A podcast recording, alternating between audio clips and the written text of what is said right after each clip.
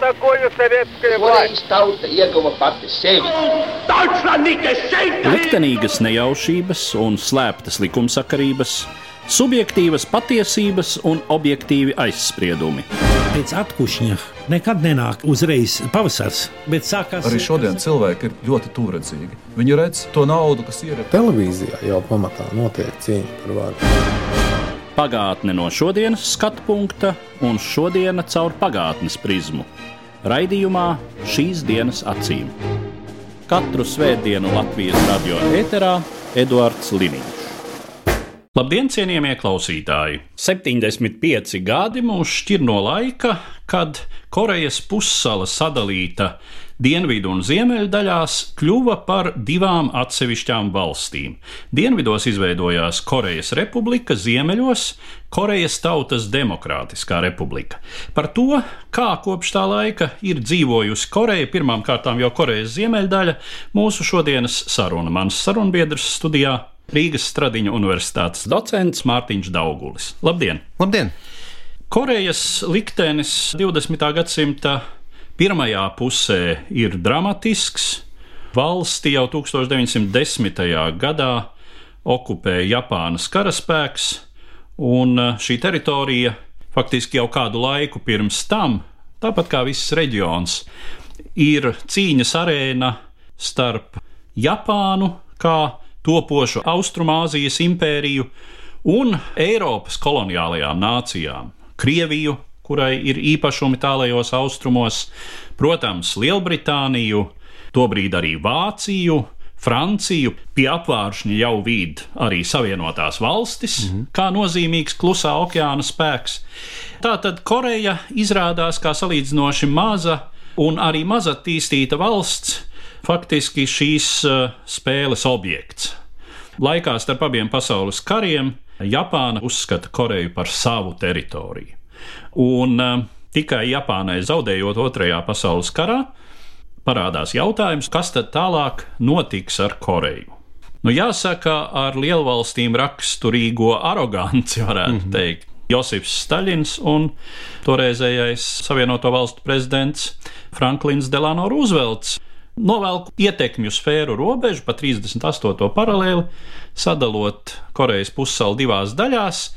Ziemeļu daļu administrēs Padomju Savienība, dienvidu daļu Savienotās valstis. Kādas ir kustības, virzības pašā korejiešu sabiedrībā tajā brīdī? Viss šis stāsts zināmā mērā nonāk pie jūsu uzdotā jautājuma, kas ir tās domas un kas ir tās ideoloģijas, kas Korejā valda uz to brīdi, kad viņa arī tiek pārdalīta. Pirmkārt, nav kaut kādas vienotas dominējošas domas vai ideoloģijas. Uz ko mums jāskatās, ir, ka Japāna Korejas domāšanā spēlē ārkārtīgi lielu lomu. Japāna ir nemīlams okupants korejiešu izpratnē, un zināmā mērā šīs otrā pasaules kara noslēgums un Japānas sakāve, tādā korejiešu perspektīvas, viņi tiek uztverts kā tāds taisnīgs soda elements. Līdzīgi vienmēr tādos brīžos, kad okupants tiek nomests nost, tad uh, daba tukšumu nemīl, un šo vietu aizpilda citas ideoloģijas. Kas ir tās ideoloģijas? Un te mums ir diezgan būtiski, acīm redzot, jāsaprot tā smalkā spēle un smalkā nianse. Koreja kopumā vēsturiski ir bijusi lielākā vērtību ietekmē no tagadējās Ķīnas Tautas Republikas, jeb no Ķīnas. Un Ķīnas sakāve rietumu kolonizācijas rezultātā, raisot milzīgas jukas arī tajā zemē. Caur šiem te laikmeta griežiem Padomju Savienības komunisms tiek skatīts arī kā tāds brīvības un sakārtotības tonis un nots, bet tajā pašā laikā tas nav staļinisms ir ļoti būtiska atšķirība. Tā ir drīzāk atgriešanās pie senajām impēriskajām saknēm, pašnoteikšanās tēva lomas un vietas sabiedrībā. Un tas, starp citu, arī mūsdienu Ziemeļkorejā, ko rietumu mēdītāji ļoti brutāli atspoguļo arī Krievijas mediju, protams, kā tādu komunistiskas iedabas pasākumu, bet tur ir ļoti spēcīgi izteiktas ģimenes tradīcijās balstītas klases un grupas, un principā viss tiek mantots ģimenē, un ģimenē arī paliek. Tā skaitā arī varas struktūra. Ja tu esi varas elitē, tu manto viņu pēc ģimenes pakāpēm. Tas ir tas viens virziens, kas ir komunisms pašu korejiešu izpratnē. Un tieši tajā Ziemeļkorejas pusē tad arī zināmas sacensības pasauli parādās, jo mums ir Kims vectēvs, kurš zināmā mērā ir uz sacensību vērsts cilvēks arī pēc savu temperamentu un dabas, un tāpēc viņa apkopojas vairākas strāvas. Pirmkārt, tā ir nosacīta vēlme sacensties ar blakus zemē esošo Mao, Un tur, ja mēs paskatāmies vēsturē, tad ir diezgan tieša veida kopēšana. Ja Mao ir savs maoisms, tad Kimam ir savs virziens, kur viņš akcentē Korejas tautas pašnoteikšanos. Ja Mao ir lielais pārgājiens pār Ķīnu viņa revolucionārajā darbībā, tad uh, Kimam vectēvam savukārt ir arī līdzīga veida pārgājiens, kā propagandas sludināšana. Un tajā pašā laikā, protams, visām šīm domām un darbībām, politikai milzīgais tomēr tajā brīdī Padomju Savienības atbalsts, arī administratīvais, finansiālais, tīri kā uzrunāt sabiedrību. Staļina iesistā roka propagandas mašīnā tiek nodot Ziemeļkorejas līderu rokās.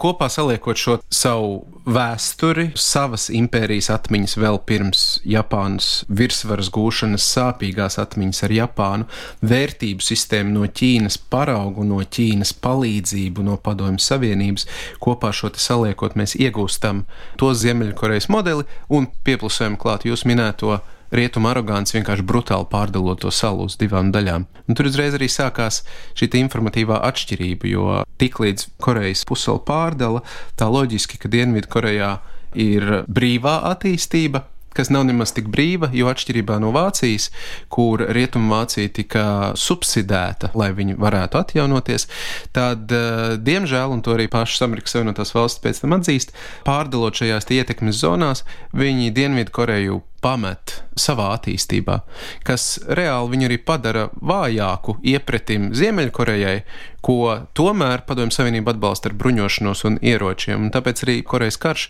kur Ziemeļkoreja ir objektīvi vienkārši spēcīgāka un ir gatava iet un apvienot Koreju atpakaļ pēc tās domas, kas ir iepriekš aprakstītā, tā vēsturiskā Korejas impērijas atjaunošana. Un tā ir viena milzīga rietumu kļūda. Ja tu kaut ko pārdali, tad arī rūpējies par tiem, ko tu pārdali, bet tādā ziņā Korejas karš varētu teikt, ka ir uz rietumu valstu pēckara posma sirdsapziņas.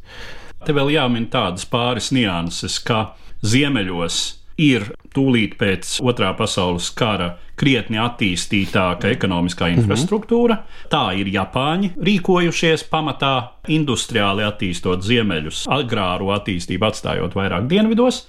Dienvidos ir vairāk iedzīvotāji, bet tā tad vājāk attīstīta infrastruktūra. Ziemeļos tiek strauji ar Padomju Savienības iniciatīvu un tiešu līdzdalību īstenota radikāla agrārā reforma, bet tajā brīdī šī agrārā reforma lielākajai daļai sabiedrības, kura no tās iegūst, ir ļoti pieņemama Protams. un atbalstāma.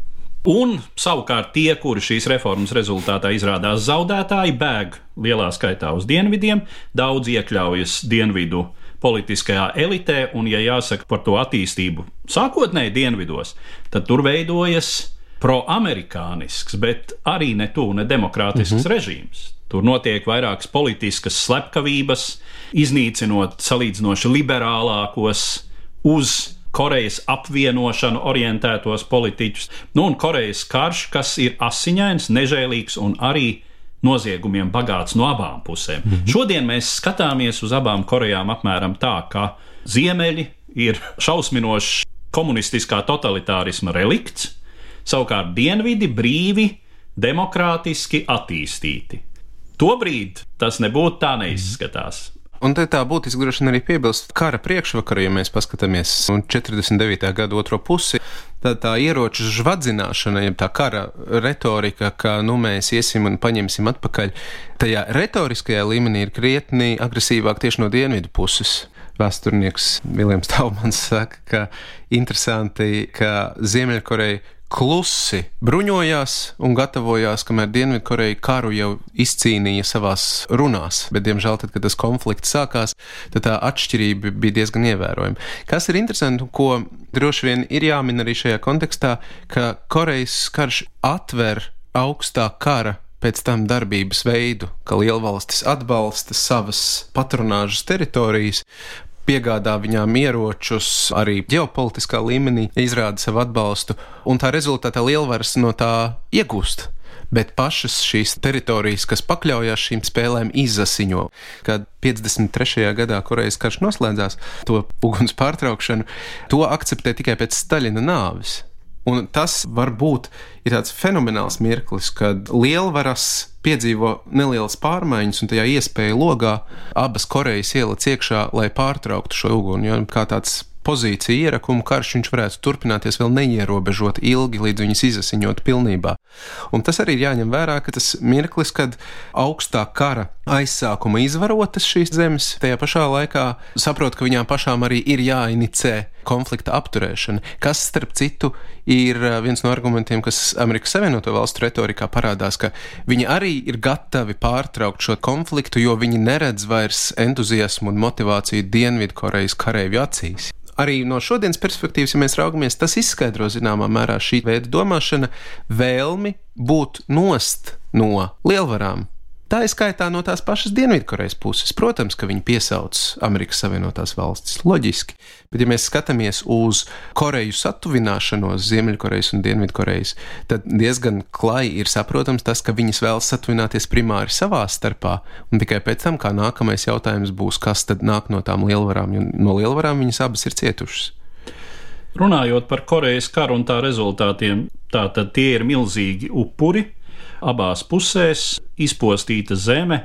No otras puses, ja runā par Korejas karu, tad tiek teikts, ka tas lielākais ieguvējs šai karā ir bijusi Japāna, kura kļūst par savienoto valstu tranzīta zonu, un vēl vairāk pastiprina Savienoto valstu interesi attīstīt šo valsti kā savu sabiedroto partneri reģionā iepretim Padomju Savienībai, iepretim Ķīnai, un Japānas attīstība pēc tam velk līdzi arī mm. Dienvidu Koreju, veidojot to pamazām par to, kāda tā ir tagad. Lai gan, ja palūkojas uz statistiku, tad dzīves līmenis Dienvidu Korejā apsteidz Ziemeļkoreju apmēram ap 1975. gadu.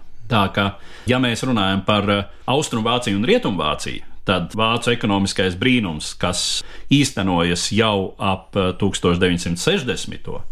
Un jau tad ir nepārprotami skaidrs, ka Austrumvācija iepaliek un ir jāceļ Berlīnas mūris, lai austrumvācieši masveidā nebēgtu uz rietumiem, tad ar Koreju tas notiek vēl kādus 20 gadus vēlāk. Bet līdz tam Ziemeļkorejā ir notikusi tāda interesanta attīstība, kas zināmā mērā padara Ziemeļkoreju par to, kas tā ir joprojām. Un tur tas lūzuma punkts laikam gan ir 1956. gads. Kad Padomju Savienībā ir sācies atpūsnis, kad Hruščovs ir atmaskojis mm. Staļinu, un eh, Hruščovs sagaida, ka arī satelīta valstis, tā skaitā Ziemeļkoreja, ies šai virzībai līdzi, un Kimers pat tiek izsaukts uz Maskavu, kur pavada vairākas nedēļas, kur viņam Stāsta, teikt, kā vajadzētu. Jā, jā stāsta, kā vajadzētu. Viņu tā sacīt ārstē. Mūsdienu žargonā runājot. Bet rezultāts ir tāds, ka Kimers atgriezies Phenjanā, iztīra Korejas kompartiju no Padomju Savienības un Ķīnas ietekmes aģentiem. Līdzīgas tendences ir novērojamas arī tajā pašā Ķīnas Tautas Republikā, kur debates ir allaž klātesošas pie kaut kādiem ekonomiskajiem izaicinājumiem, notikumiem politiskajā arēnā pasaulē, kur mums doties tālāk. Sauc par tām lielās debates, vai mums kļūt atvērtākiem, vai mums kļūt noslēgtākiem, kur mums virzīties. Kims līdzās esošā Mao mentalitāti arī ņem vērā tajā konkrētajā brīdī.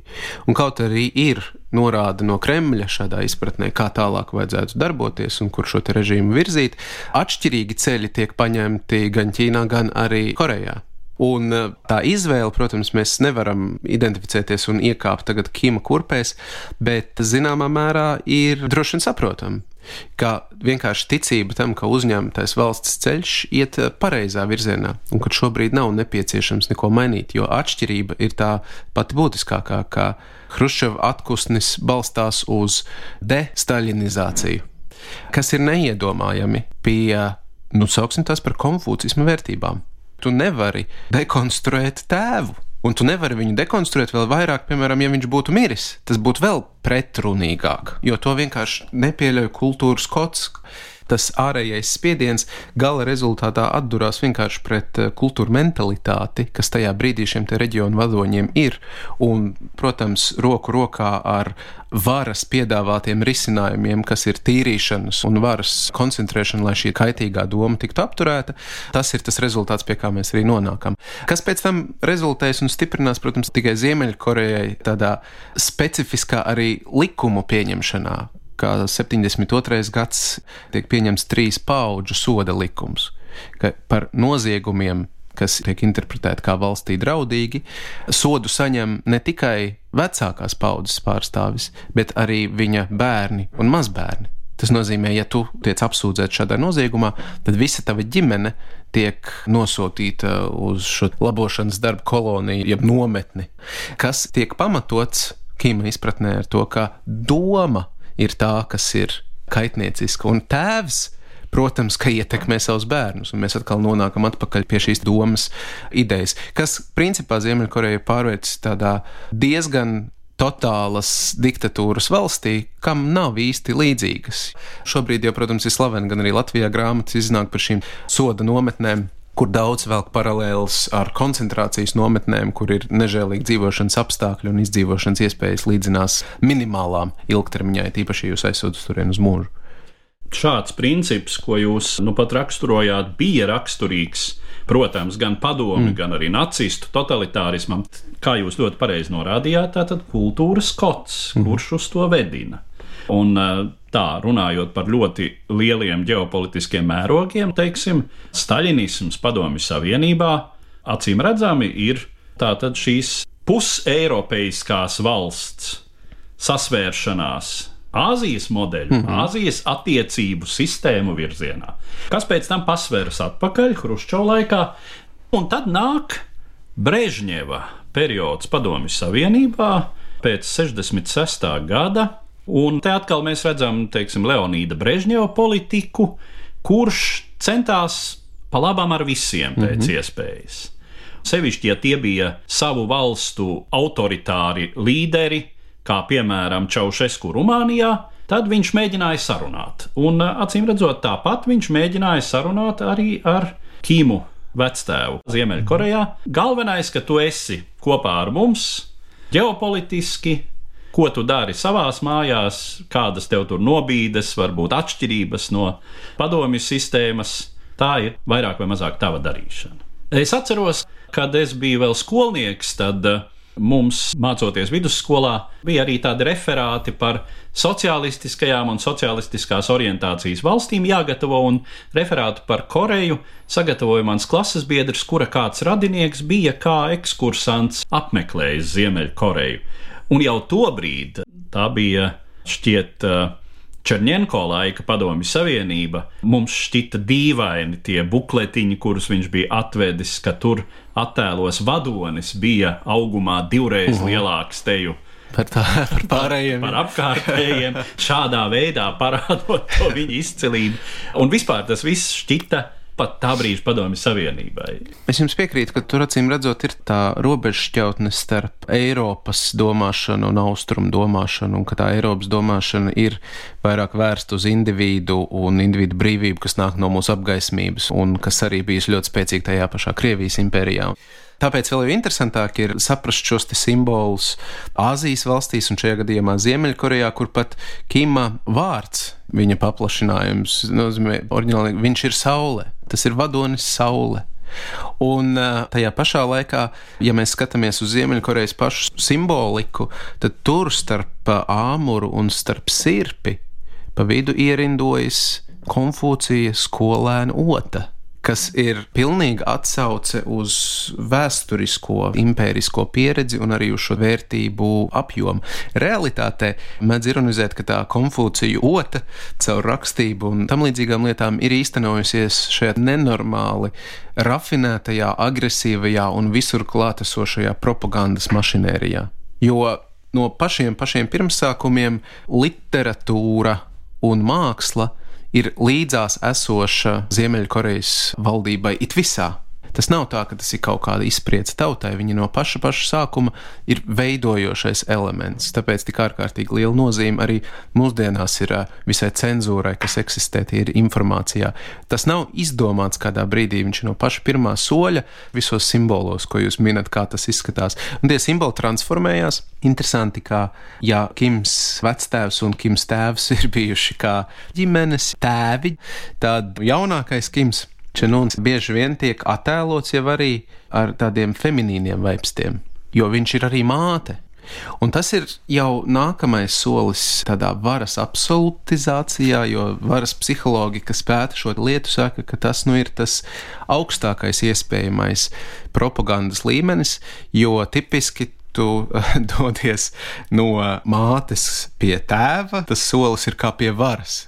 Bet, ja arī māte ir līderis, tad viss tu esi varā jau no paša dzimšanas brīža. Tur nav nekādu variantu staigāt kaut kur. Tu esi, tu esi varā. ieņemts un iznēsāts varā, un vara ir it visā. Un uh, es pats esmu redzējis arī tās pastkartes. Tiešām tu skaties, un tā ir acīm redzama sieviete, pie kuras krūtīm ir apkamti bērni. Bet nē, tas ir Kims. Un tajā pašā laikā ir cits avīzes vāks, un tur viņš ir ļoti vīrišķīgs ar visiem medaļiem vai pie kāda ieroča redzams. Mēs novērojam, es domāju, pasaulē vēl nebijušu varas totālismu it visā. Te jāuzdod loģiski jautājums, cik tālu no šīm fundamentālajām Āzijas vērtībām ir aizgājusi Dienvidkoreja, ja mēs kaut kad nākotnes perspektīvā tomēr iedomātos iespēju kā abas šīs daļas varētu apvienoties un kļūt atkal par vienotu valsti un vienotu sabiedrību. Es domāju, ka te arī ir tās galvenās medicīniski izsakoties lielvalstu spazmas šajā kontekstā. Ir varbūt tāda zemapziņas vēlme saglabāt status quo, lai pasargdies kaut kas nemainās, jo efekts no apvienošanās droši vien nav prognozējams. Neviens to nespēja modelēt, kā tas varētu notikt un kas notiktu.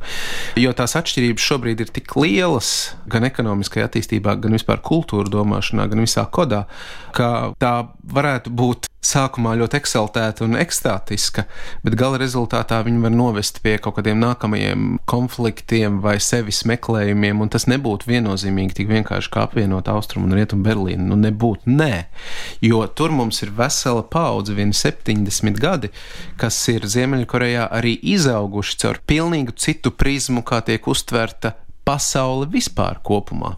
Un tas nozīmē, ka tas pareizākais vārds būtu kultūra šoks, ka šobrīd es pieticīgi atļaujos teikt, ka tās ir pilnīgi divas dažādas pasaules, un tās būtu jāver vaļā ļoti, ļoti uzmanīgi. Bet tā atvēršana un satuvināšanās no abu Koreju puses notiek. Kas, protams, ir ļoti jūtīgs temats, jo pie kurām atkal kaut kādām politiskajām svārstībām abas valstis ir ļoti savā ziņā agresīvi noskaņotas viena pret otru. Runājot par vēsturi pēc 1990. gada, 91. gada, Kimersens nodzīvo ļoti ilgu mm -hmm. mūžu, un uh, veselības stāvokļa dēļ viņš pamazām sāk pamest varas funkcijas ap 1992. gadu, bet viņš tā tad pārdzīvo mm. padomju sistēmu. Droši vien kādam varētu šķist, tā tad labi, vecais vadonis aiziet, nāk viņa dēls. Visa pasaule mainās, vai tajā brīdī, 90. gadu sākumā, bija kāda reāla virzība, varbūt arī Korejai projām no padomju stila totalitārisma? Nu, šo man ir grūti komentēt, jo tas laiks vispār ir tāds pārmaiņu laiks. Ziemeļkorejā tas diezgan būtiski sasaistās arī ar atbalsta zudumu no režīmiem, kas ir apkārt, kas rezultējas arī agrārā krīzē un badā, kas savu augstāko punktu sasniedz ap 94. un 95. gadu. Ziemeļkoreja paliek viena tajā klubiņā, kas iepriekš bija viņai līdzīgi domājoši, jo Padomju Savienība sabrūk, Ķīna nesabrūk. Ķīnas Tautas Republika paņem vēl kaitnieciskāku ceļu, atvēršanās ceļu. Un varbūt tas zināmais aspekts, ka viņš tiek interpretēts kā kaut kas nesaprātīgs, kas arī varētu novest pie sabrukuma, bet mēs vēl to nezinām. Varbūt tas ir tas motivējošais domāšanā, saglabāt un turēt šo toni tādu pašu, kā tas ir bijis Ziemeļkorejā. Viens gan Ziemeļkorejai ir nācies lūgt, lai tiktu ar šīm bada problēmām galā starptautisko palīdzību 94. un 95. gadu, un palīdzējušas ir, protams, Ķīna, bet arī Dienvidkoreja, arī Japāna un arī Amerikas Savienotās valstis. Taču iekšēji šī palīdzība nekad nav bijusi interpretēta kā palīdzība, bet vai nu ar cenzūras mehānismiem slēpta un parādīta, ka vadonis ir atradis risinājumu, vai arī pat bieži vien izsmējīgi interpretēta caur propagandas palīdzību. Ko tad mums ir šeit ir atsūtījuši, un tā ir necienīga rīcība un tam līdzīgi. Līdz ar to man patiešām ir grūti nokomentēt par tām grupām un tendencēm, kas ir vilkušas prom uz vienu vai uz otru pusi, bet tādā atsevišķa grupa, kas būtu formalizējusies Ziemeļkorejas dinastijā ģimenē nav bijusi, jo pastāvīgi arī viļņveidīgi ir notikušas skaitīgo domu tīrīšanas. Līdz ar to tur ir grūti novilkt līniju, kurā brīdī tās domas, kas bija, ir iztīrītas, un kurā brīdī vienkārši tā ir bijusi tīrīšana klasiskajā ciklā, kas notiek. Mēs jau ļoti lielā mērā esam atbildējuši uz jautājumu, kāpēc Ziemeļkoreja ir tāda, kāda tā ir, un runājot par pašu lietas būtību, šādā kultūrā dzimušiem, augušiem cilvēkiem. Bet ne tikai viņiem. Mums ir jāapzinās, ka totalitārisms un autoritārisms, nedemokrātiski režīmi savā ziņā ikdienas cilvēkam ar zema līmeņa brīvības prasībām ir psiholoģiski komfortabli. Vadonis domā tavā vietā, tēvs domā mm -hmm. tavā vietā, tu pilsoniski vari visu mūžu palikt bērniņa statusā. Mm -hmm. Un ja tur vēl ir kultūras kods apakšā, tad mums nav ko plēst acis izbrīnā.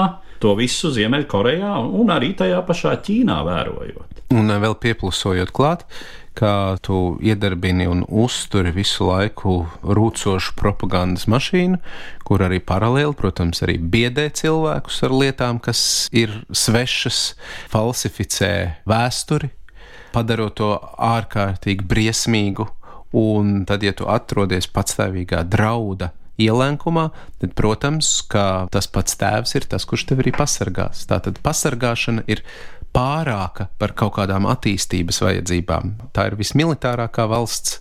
4. un 5. militāri spēcīgākā valsts pasaulē ar nenormālu bruņošanās līmeni uz vienu iedzīvotāju. Demokrātiskās valstīs jebkuri procesi ir atkarīgi no daudz cilvēkiem, jo mums ir demos, mums ir daudz.